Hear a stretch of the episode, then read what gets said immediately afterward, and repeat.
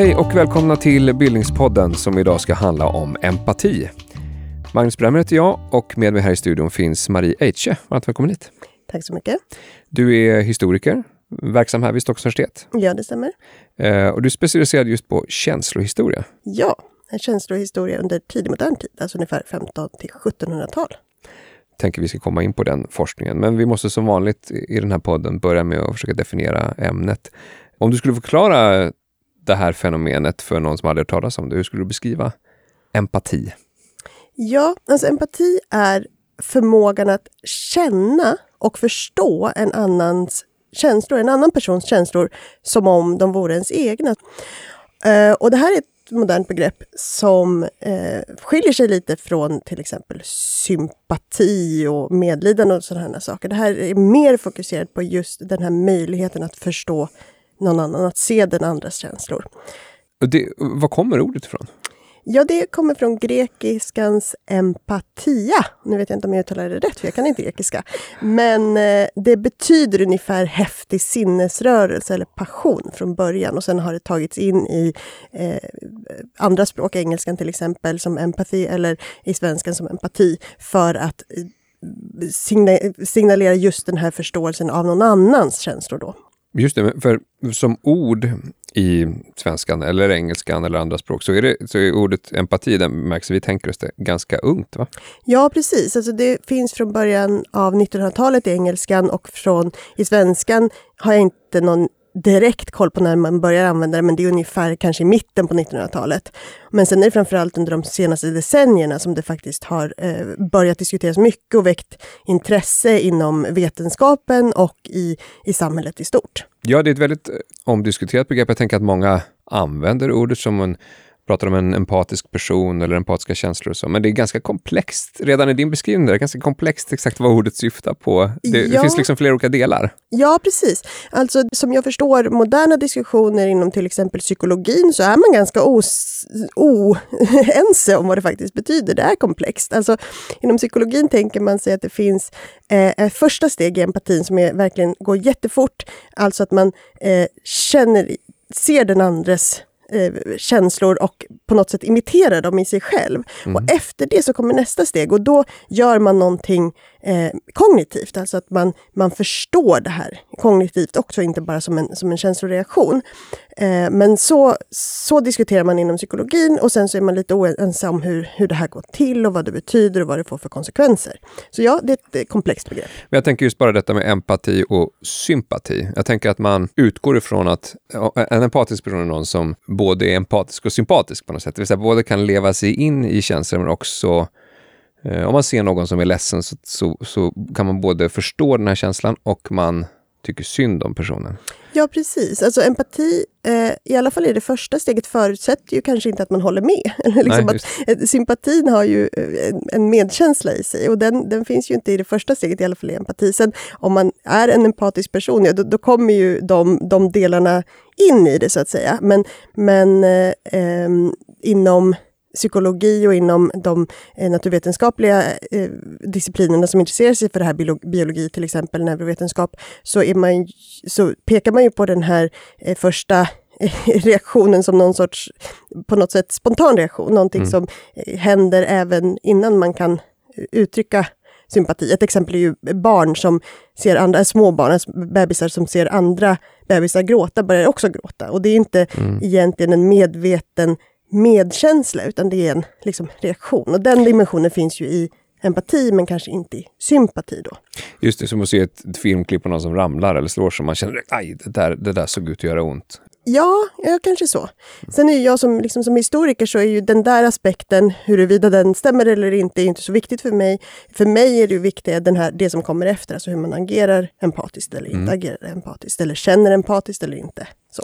Just det, men definitionsmässigt så går det, så det är gränserna är lite flytande för vad som är inlevelseförmåga och vad som är eh, medkänsla. Ja, men så kan man nog säga. Men så många av de här ämnena som vi har tagit upp i den här serien om, om känslor, så, så tänker man gärna att eh, känslorna är tidlösa. Alltså att vi är glada eller arga ungefär på samma sätt över tid. Men du är ju en av flera känslohistoriker som medverkar i den här serien. Eh, I vilken bemärkelse skulle du säga att empati som känsla har en historia? Ja, alltså empati är ju eh, som sagt ett modernt begrepp. Eh, och hur vi har tänkt kring det är ju baserat på vårt moderna samhälle. Sen finns ju företeelser som, som har diskuterats historiskt också, alltså sympati, medkänsla, medlidande, som, eh, som man kan tänka på i förhållande till empati, men som har sina egna eh, sär, särdrag och säregenheter, så att säga. Och därför så skulle jag, kunna, skulle jag säga att empati har en, en eh, historia på samma sätt som, som, som andra känslor. Och sättet hur vi tänker kring känslan och talar om den har också en historia, kan man säga. Ja, men dels är det ju det att vi har använt olika begrepp och det, det har betydelse. Men sen så tänker jag också att empati sker ju i flera steg och kanske den där sekundsnabba reaktionen är en evig liksom, företeelse i, i mänskligheten. Det kan jag som historiker inte uttala mig om. Men som historiker så är jag intresserad av vad som händer sen. Alltså mm. hur agerar man empatiskt eller inte empatiskt? Och det bestäms på något sätt samhälleligt eller skapas i, genom samhälleliga normer och, och, och praktiker. Så därför så skulle jag säga att empati har en historia som, som utvecklar sig i eh, olika samhällen. Ja, just det. Så, att, så att, eh, hur vi reagerar på impulsen är, är på många sätt samhälleligt uh, kulturellt kodat. Ja, precis. Och hur, uh, jag tänker också, du, du talade om psykologi tidigare, medicin, man också intresserar sig för empati. Det finns flera olika vetenskapliga discipliner som, som har försökt nysta i ett begrepp som det här.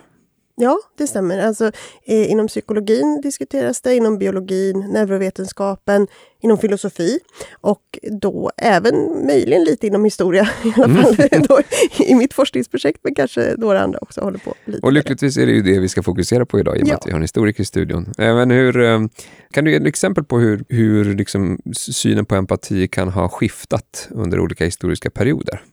Hur synen har skiftat kan jag kanske inte uttala mig om beroende på att begreppet är modernt, men däremot så, så kan man ju tänka sig att vem man är empatisk mot mm. och hur man är empatisk eh, eh, mot, mot, mot andra har förändrats väldigt mycket beroende på vilka som har inkluderats i samhället och vissa, vilka som har exkluderats till exempel. Alltså det finns ju även inom psykologin att man, man påpekar att empati är någonting som sker när man inte spärras av till exempel fördomar eller eh, antipatier, att man inte tycker om någon. Så att det där är ju väldigt viktigt för att se på empati historiskt, vilka som har fått vara med och vilka som inte har fått vara med. Om någon är ledsen eller skadad eller någonting så kan vår reaktion bero väldigt mycket på vem personen är så att ja. säga, och, och hur vi förhåller oss till varandra liksom, socialt. Ja, dels det, men också hur vi har uppfostrats till exempel. Alltså, nu tog jag exemplet med bebisar som gråter när de ser andra bebisar eh, gråta. Och där vet, ser man ju, det, det är ju en, liksom en reaktion hos, hos spädbarn, men det går ju jättefort för barn att lära sig. Till exempel, ska jag inte gråta eller ska jag gråta? Är det uppmuntrat att gråta eller inte mm. gråta?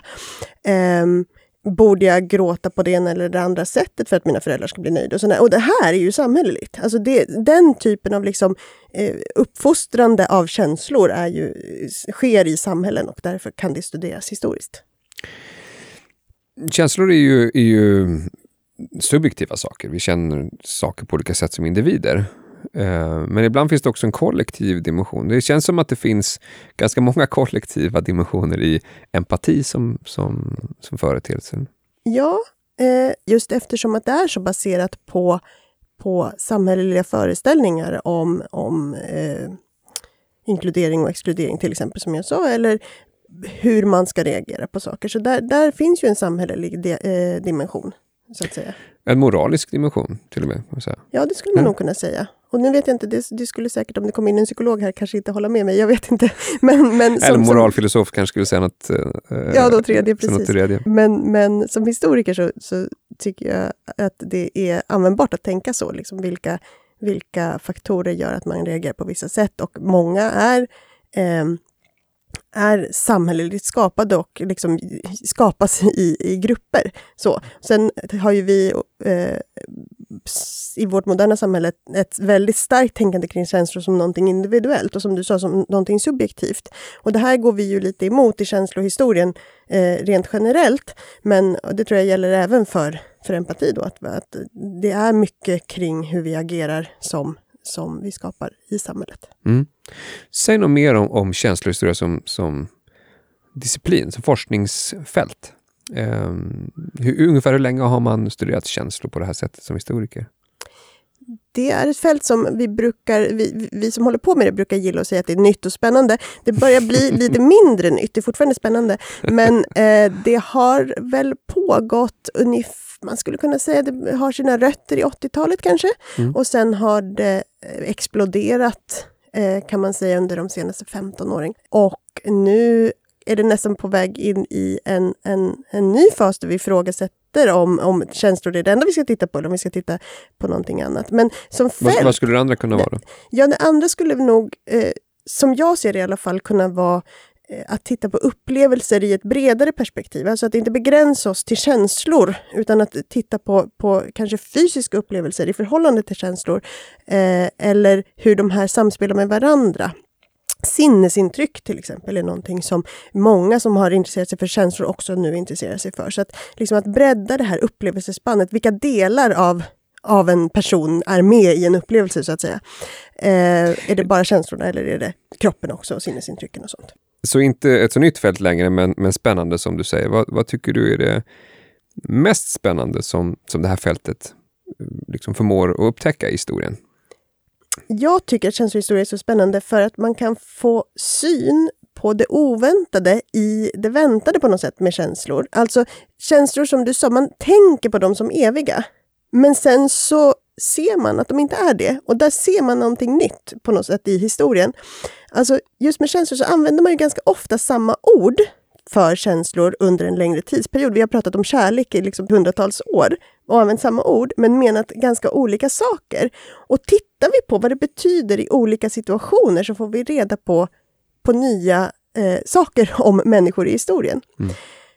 Sen tycker jag också att känslor har en väldigt viktig dimension för att det ger möjligheten att tänka kring hur tillvaron faktiskt var för människor eh, i äldre tid, hur den upplevdes. Och det tycker man kanske låter lite banalt när man säger det sådär. Men jag tycker att det är en väldigt viktig grund för att förstå människor i historiska tider och kanske också ha empati mm. för människor i historiska tider. Att, att förstå hur deras tillvaro tedde sig för dem. Och du har ju då som sagt forskat om empati ganska tidigt i historien. Eh, kan du säga något mer först och främst om vad din forskning har handlat om? Jag har intresserat mig för eh, funktionshindrade eller människor med funktionsnedsättningar under tidig modern tid. Och då framförallt på 1500-1600-talet. Och det här eh, har jag gjort för att försöka se hur människor med funktionsnedsättningar har eh, levt och upplevt sin tillvaro. Mm. Då har jag försökt hitta människor i olika typer av material och försökt se hur funktionsnedsättningar har hanterats i olika situationer. Ofta har det hanterats väldigt olika beroende på vilken personen i fråga är. Um, till exempel om man är ung eller gammal eller om man har ett medfött funktions, eh, uh, medfödd funktionsnedsättning eller uh, om man har haft hög status i samhället eller låg status till exempel. Mm. Så där, det är det jag har försökt titta på. Men har det också då handlat om hur funktionshindrade har bemötts? Ja, precis. Där tycker jag att det är väldigt viktigt att försöka se båda sidorna. Alltså hur har det bemötts, men hur har människor också med funktionshinder själva agerat och hur har de eh, upplevt sitt bemötande. Mm. Så det är en utmaning i äldre tid att hitta människor med funktionsnedsättning som säger någonting själva eller där man i alla fall kan få reda på någonting om hur, hur deras upplevelser har varit. Men jag har tyckt att det varit väldigt viktigt att se det där samspelet mellan människor med funktionsnedsättningar och det omgivande samhället, personer i det omgivande samhället. Och varför var det just funktionshinder som du tyckte var intressant att studera? Det kommer från början från ett intresse för kroppen i historien. Och på tal om vad som är evigt så kanske kroppen är det vi ser som mest evigt. Alltså den har väl alltid sett ut ungefär som, som den gör och fungerat ungefär som den gör, har vi lätt att tänka i vårt moderna samhälle. Visst, folk var lite kortare förr i tiden och sådär, men, men i övrigt så tänker man att kroppen är likadan hela tiden. Men hur man har tänkt om kroppen, uppfattat kroppen och levt i sin kropp är ju format av samhälleliga normer och föreställningar om vad kroppen är och gör. Mm. Och därför så tycker jag att titta på just funktionshinder, alltså när kroppen på något sätt avviker från någon sorts normativ föreställning om vad kroppen är, kan visa väldigt många dimensioner av den här historiska kroppen. Så därför har jag gått in och tittat just på funktionshinder. Sen är det så intressant också för att det tydliggör och belyser olika ramar för exkludering och inkludering i olika samhällen. Och det tycker jag är väldigt viktigt att, att titta på som historiker. Vilka, vilka får vara med och vilka mm. får inte vara med? och Så Så därför så tycker jag att funktionshinder har en så, eh, så många dimensioner som man kan eh, liksom plocka i. Och vi, bara först, vilken typ av material har du tittat på? Alltså, hur har du fått syn på de här värderingarna? Liksom? Ja, jag har försökt att titta på så varierat material jag kan, just eftersom situationerna bestämmer så mycket om vad som händer med människor med funktionsnedsättningar. Alltså när en funktionsnedsättning blir ett funktionshinder eh, och så vidare. Eh, så därför har jag jobbat till exempel med brev, vilket ju är en, en sånt material man kan tänka är ganska självklart, alltså där folk skriver själva. Eh, det är inte så där jättevanligt att hitta så mycket om funktionsnedsättningar och funktionshinder i brev från den här tiden, så därför har jag också tittat på andra material.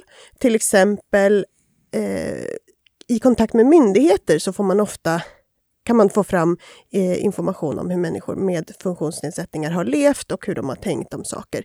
För att det är ju ofta så att människor utanför eh, den absoluta eliten i samhället, de skriver sällan brev och de breven finns sällan bevarade. Mm. Men däremot har man kanske behövt ha kontakt med myndigheter i olika sammanhang och där kan man då komma åt människor med funktionsnedsättningar eh, som inte har lämnat några andra typer av skriftliga källor eh, efter sig. I, I liksom enskilda vittnesmål och så? Ja, precis. Så, så har du sådana enskilda vittnesmål av personer från under 15, 16, 1700-talet som har vittnat om, om sitt eget funktionshinder, så att säga? Ja, det finns exempel nu. Från 1500-talet väldigt, väldigt få. Mm. Eh, från 1600-talet finns det fler. Och då, Men det är huvudsakligen 1600-talet du har fokuserat på? Ja, i det här projektet jobbar jag mm. mest med 1600-talet för att det finns lite eh, större variation på källmaterialet och lite mer personligt källmaterial på, på eh, 1600-talet än, mm. än på 1500-talet. Och precis, 1600-talet Sverige är känt för att också ha väldigt mycket dokument kvar ja, efter sig. precis. Eh, men, eh, men eh, säg något om, om, om någon enskild person eller något enskilt vittnesmål. Ja, men till exempel så finns det en kvinna som, eller fanns det en kvinna som hette Ingrid Håkansdotter som någon gång på 1600-talet skrev ett brev till justitiekollegium i Stockholm och bad om eh, ekonomiskt stöd eftersom hon inte kunde försörja sig själv. Och i det brevet så utvecklar hon varför hon behöver det här stödet och det är jätteviktigt att göra på 1600-talet för att det finns en väldigt stark norm om att den som kan försörja sig själv ska göra det. Då får man inget stöd. Så det är viktigt för henne att beskriva vad hon har eh, råkat ut för. Och hon, har till, hon har då eh, drabbats av någon sorts eh, sjukdom eller skada som gör att hennes kropp har svullnat upp väldigt mycket. Och Det gör att hon inte kan ligga ner utan hon måste sitta upp och så säger hon eh, jag måste sitta upp och sova. Jag har inte fått någon vila varken dag eller natt under fem år. Mm. Och det här, liksom, här är ju en väldigt, på något sätt, tydlig och detaljerad beskrivning av en kvinnas tillvaro som vi eh, kanske inte skulle ha fått om hon inte hade behövt den här hjälpen. Eh, och det, det, är ett exempel på sådana här texter där man liksom kommer åt vad människor har eh, varit med om och eh, vad de upplever. Människor som väldigt sällan har lämnat skriftliga vittnesmål bakom sig eh, men som i kontakt med myndigheter behöver göra det. Och då, mm. då kan vi liksom komma åt deras röster genom sådana här ganska korta eh, men rätt kärnfulla mm. eh, texter. Så. Det blir väldigt väldigt starkt kan jag tänka att läsa de här sakerna och se, höra människors vittnesmål om sina liv. Men eh, vittnar en, finns, finns det folk som då vittnar också om, om bemötandet av i det här fallet finns det inte det. Jag har inte hittat något svar. Alltså jag vet inte hur det gick för henne, om hon fick stöd eller inte. Det jag försöker göra är att använda många sådana här, eh, såna här korta vittnesmål och ställa dem bredvid varandra och se vad som händer då.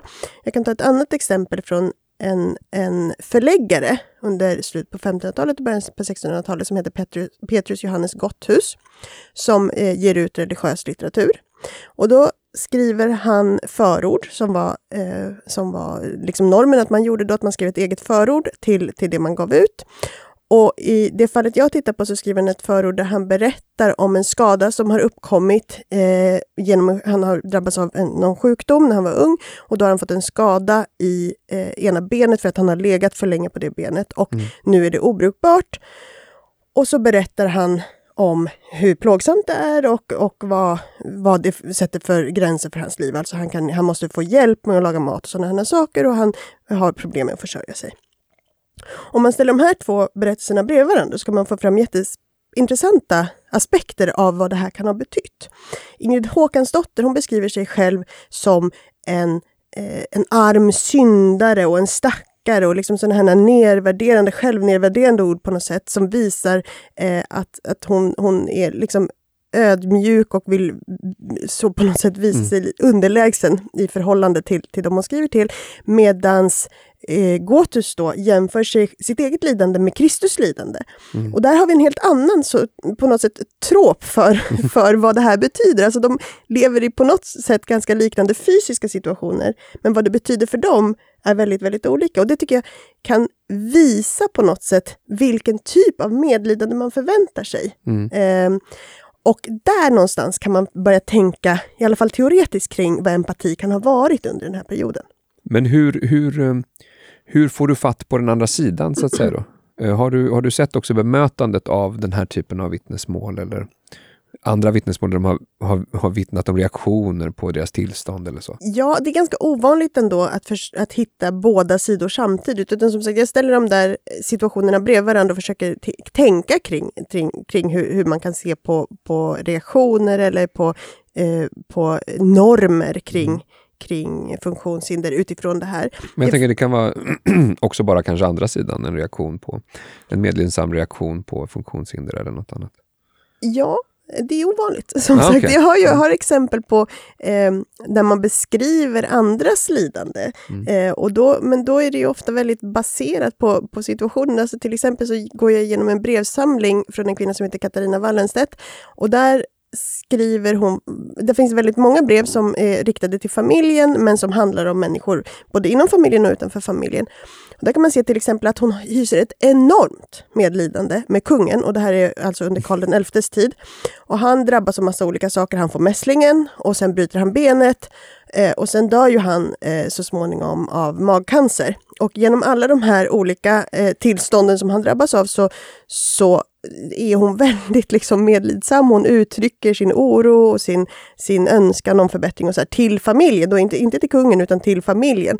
Så här ser man att eh, i, i fallet när det gäller kungen så finns det nog en norm för hur man ska vara medlidsam, som inte kanske går igen på samma sätt när det gäller grannar som har blivit sjuka eller bekanta till exempel. Mm. Så att eh, man kan ju liksom genom de där små tillfällena försöka pussla ihop vad, vilka olika typer av medlidanden, avsaknaden mm. av medlidanden som, som finns under den här perioden. Men är det så att du kan ha, kan ha sett spår av bristande empati mot grannar eller, eller vänner i annat material?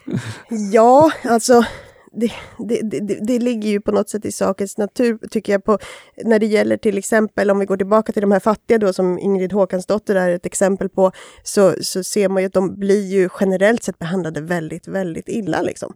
Eh, och har det väldigt svårt under den här perioden. Och det ska man inte sticka under stol med. Alltså nu tar jag ju upp exempel ofta där det på något sätt löser sig. Men, men det, det, fram, det, ser ju, det är ju så att det finns jättemånga människor som är fattiga, som inte kan försörja sig själva, framförallt under 1600-talet.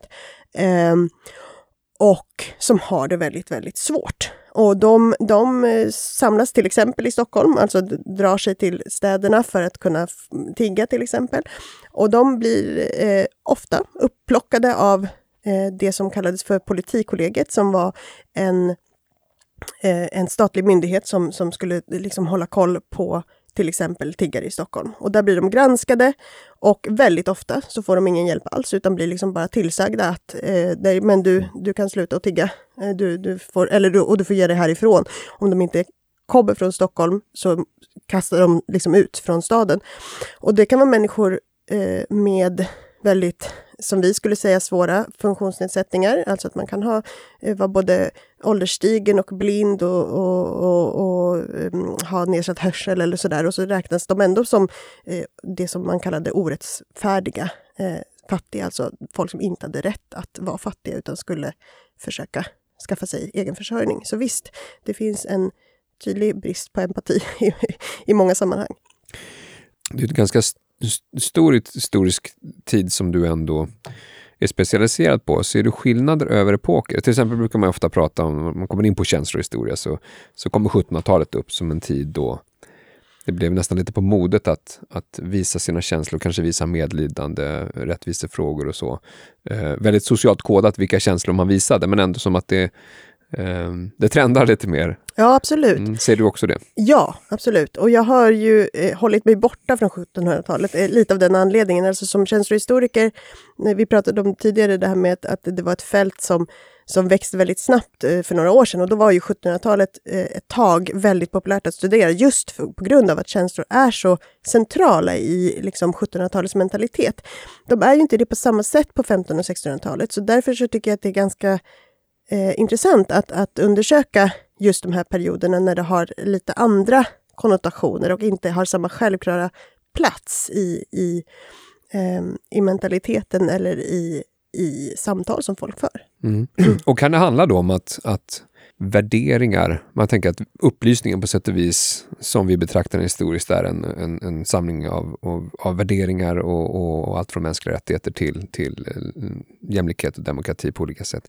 Är det så att den typen av uppfattningar i den takt de sprids påverkar hur människor eh, så att säga, hur, hur accepterat kanske det, eh, kulturellt och socialt det kan vara att känna medlidande med en, en fattig eller en funktionshindrad?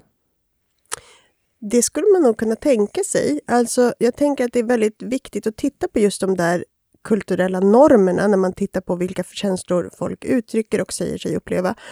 Eh, när vi är inne på 1500-1600-tal eh, snarare än 1700-tal då, då är ju till exempel religionen eh, väldigt framträdande i hur man tänker kring känslor och hur man, eh, hur man känner, skulle jag säga. Mm. Så, så där finns det ju en annan typ av kulturell och samhällelig norm som på något sätt formar känsloupplevelser och, och känslointryck under den här perioden. Så du tänker liksom, barmhärtighet då i religiös bemärkelse skulle skilja sig från medlidande av mer politisk karaktär i ett annat sammanhang. Jo men det tror jag och jag tror att det är, det, det, är lite därför jag också har valt den här perioden för att det finns ju under medeltiden och framförallt slutet på medeltiden finns ju en väldigt stark eh, norm kring, kring religiöst medlidande och kring lidande också, alltså att imitera Jesus lidande till exempel. Och så där. Det där blir lite mindre framträdande under, under ehm, eh, 1500-1600-tal, när vi alltså i till exempel Sverige har, har reformationen och sen blir det protestantiskt. Och då får de här liksom, de normerna försvinner lite. Och det samtidigt innan de här starka politiska känslonormerna som kommer på 1700-talet. Så jag tycker att 1500-1600-talet är en ganska intressant period, för det är en period där det där är lite mindre dikterat på något sätt. Och därför så tycker jag att det är spännande också att se vad som händer där. Religionen spelar ju jättestor roll, men inte på riktigt samma formativa sätt kanske som, som under eh, katolsk tid. Ja, Okej, okay. hur kommer det sig? Men alltså under medeltiden så finns det starka uttryckliga normer att man ska eh, visa barmhärtighet mot, mot eh, fattiga, man ska ge allmosor, man ska vara medlidsam och så vidare. Det här försvinner lite under reformationen. Alltså det finns såklart kvar på vissa sätt och det är lite svårt att veta egentligen vad, vad det får för konsekvenser, men det är inte riktigt samma påbud från, från kyrkans sida att, att visa eh, att uttrycka medlidande genom eh, goda gärningar till exempel. Och det gör att situationen för människor som är behov av hjälp eh, kanske förändras under 1500-1600-tal. Mm. Alltså vi får en större och större grupp fattiga samtidigt som den här normativa medlidandet inte är riktigt lika starkt mm. underbyggt från, från kyrklig sida. Sen finns ju såklart kvar den typen av, tänkande även inom den protestantiska kyrkan, alltså att eh, hysa, eh, att behandla sin nästa som sig själv och sådana här saker finns ju såklart kvar. Men, men den där väldiga fokuset på, eh, på, på eh, medlidande eller på goda gärningar och sånt som eh, finns under, under medeltiden försvinner lite i protestantiska samhällen. Mm. När du som historiker sitter och läser sådana här vittnesmål om och, och, och redogörelse för utsatta människors liv, väcker det din empati för, för de här historiska personerna? Ja, absolut. Eh, det är ju otroligt gripande att läsa vittnesmål från den här tiden. Eh, det är en på många sätt väldigt annorlunda verklighet än vår eh, västerländska verklighet, i alla fall idag. Eh, det är hög barnadödlighet, det är mycket sjukdomar, det är mycket skador och sådana här saker som, som måste hanteras genom, genom ett liv under 1600-talet. Och det väcker verkligen eh, eh, min sympati. Mm. Är det något som kan hjälpa en historiker i sitt arbete att jobba med material där man liksom kan leva sig in i den historiska tiden? Jag tror att man ska vara jätteförsiktig med det. Alltså som, som privatperson eller som, som människa så, så, så som sagt är det här väldigt drabbande. Jag tror att som, som professionell historiker så vill jag ta ett steg till. Alltså man kan prata om historisk empati, alltså att känna med historiska personer. Att ta det som någon sorts utgångspunkt eller något sorts resultat eh, av eh, forskning är ganska problematiskt eftersom själva idén med känslohistoria är ju att visa på när saker är de samma som, som vi upplever dem eller när de inte är det. Alltså, det finns såklart drag i 1600-talet som vi kan känna igen oss i.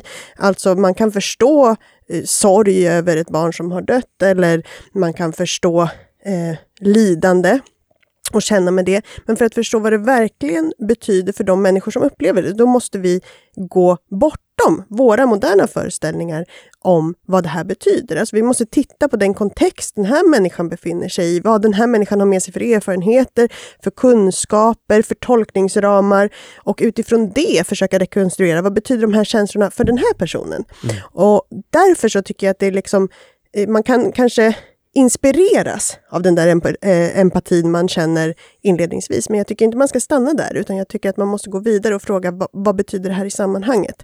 Alltså, vad ska man säga, i historieskrivningen har ju känslor alltid varit väldigt viktiga. Alltså man har beskrivit situationer även i äldre historieskrivning utifrån känslor. Gustav Vasa var rasande när han mm, mm. mötte riksdagen till exempel. Eh, men det har ju, man ju gjort, det är ju på ett sätt bara för att skapa igenkänning och inlevelse i historien. Men om vi vill veta vad betyder de här känslorna för honom eller för någon annan historisk person, då behöver vi ta ett steg längre. Vad betyder det att han är rasande? Vad gör han när han är rasande? Vad får det för konsekvenser? Eh, och vad betyder det för honom själv? Eh, alltså, är han rasande på samma sätt som vi är rasande? Antagligen inte. Mm. Så det handlar också om att förstå att man, man tittar från en helt annan historisk horisont när man tittar tillbaka på historien och från helt andra sätt att tänka kring de här känslorna och de här sakerna idag. Precis. Och det tror jag är viktigt för att liksom, eh, få en riktig förståelse på något sätt. Alltså för att verkligen, om man vill känna empati på riktigt, då måste man ju förstå vad som är annorlunda också. Mm. Och att kanske inte vill känna empati, men om man vill känna medlidande eller sympati med, med historiska personer, då måste man ju försöka förstå vad skiljer dem från mig? Inte mm. bara vad, vad är likt för dem, utan sätta sig in i deras situation som den är.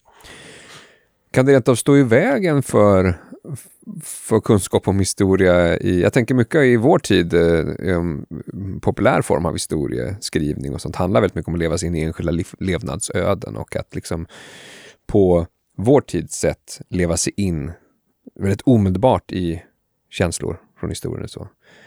Kan det på något sätt förvanska vår bild av hur historiska ögonblick har sett ut? Hur historiska sammanhang kanske framför allt har, eh, har sett ut?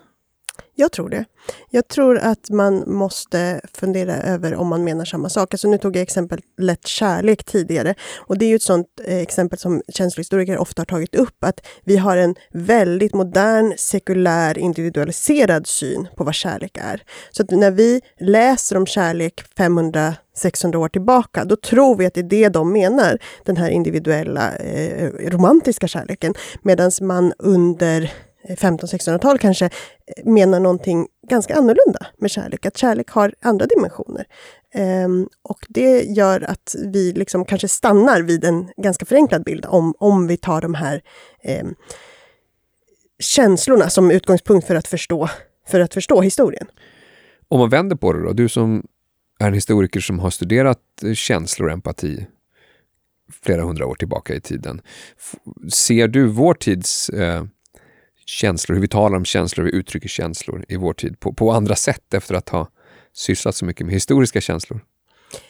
Ja, men det gör jag kanske. Alltså, när jag började hålla på med just empati så, så var det ganska vanligt ett tag i media att beskriva empati som någonting väldigt, väldigt signifikant och någonting som på något sätt sker naturligt. Alltså att eh, inom biologin har man hävdat att, att empatin är liksom grunden för moderna komplexa samhällen, eller för mänskliga komplexa samhällen. Och då togs det ganska mycket upp i, i, i populärkulturella sammanhang och i media och lyftes som någonting eh, väldigt centralt och samtidigt något som på något sätt sker naturligt.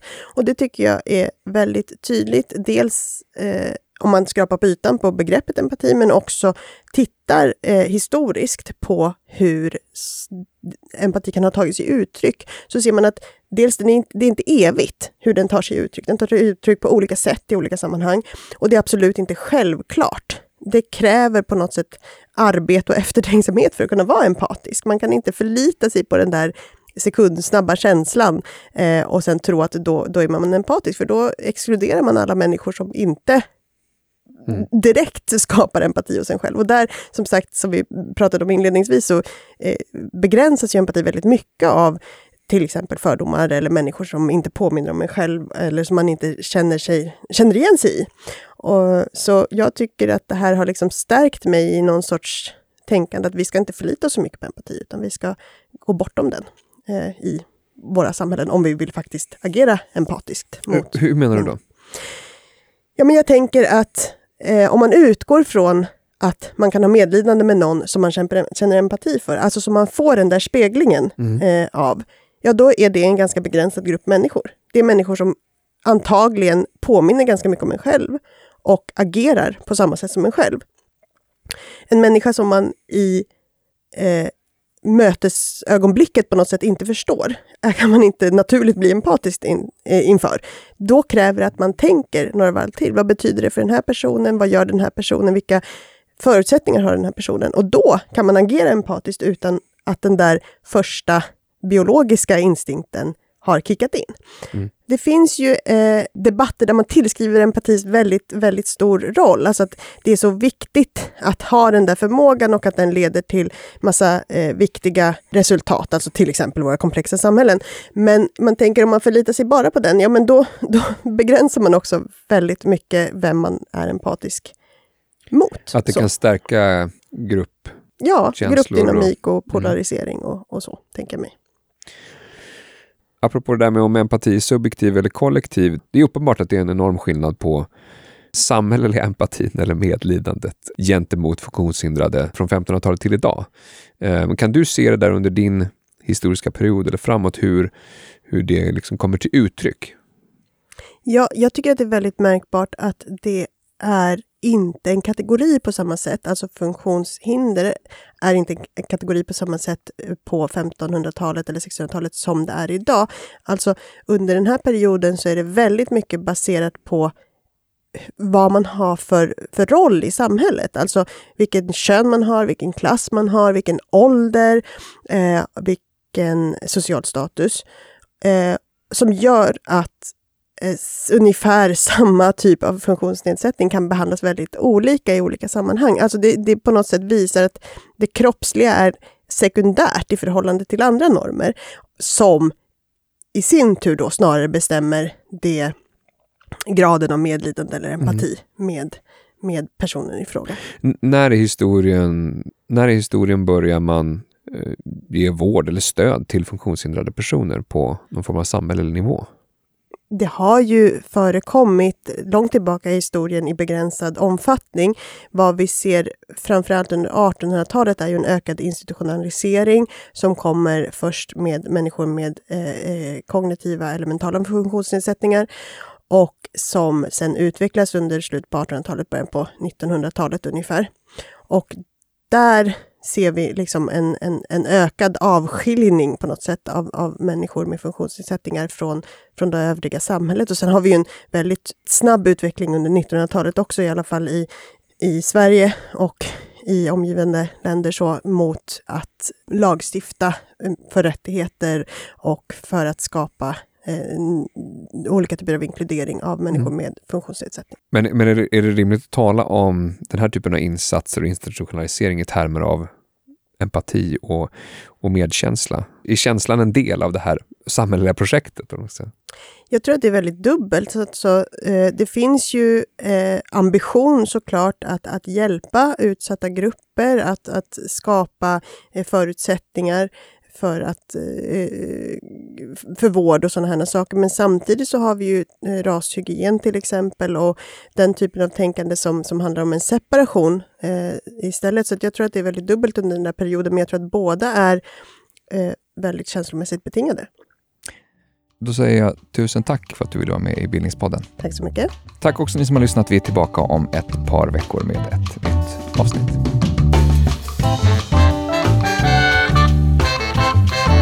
Du har lyssnat på Bildningspodden, en del av bildningsmagasinet Anekdot. Fler poddar, filmer och essäer hittar du på anekdot.se.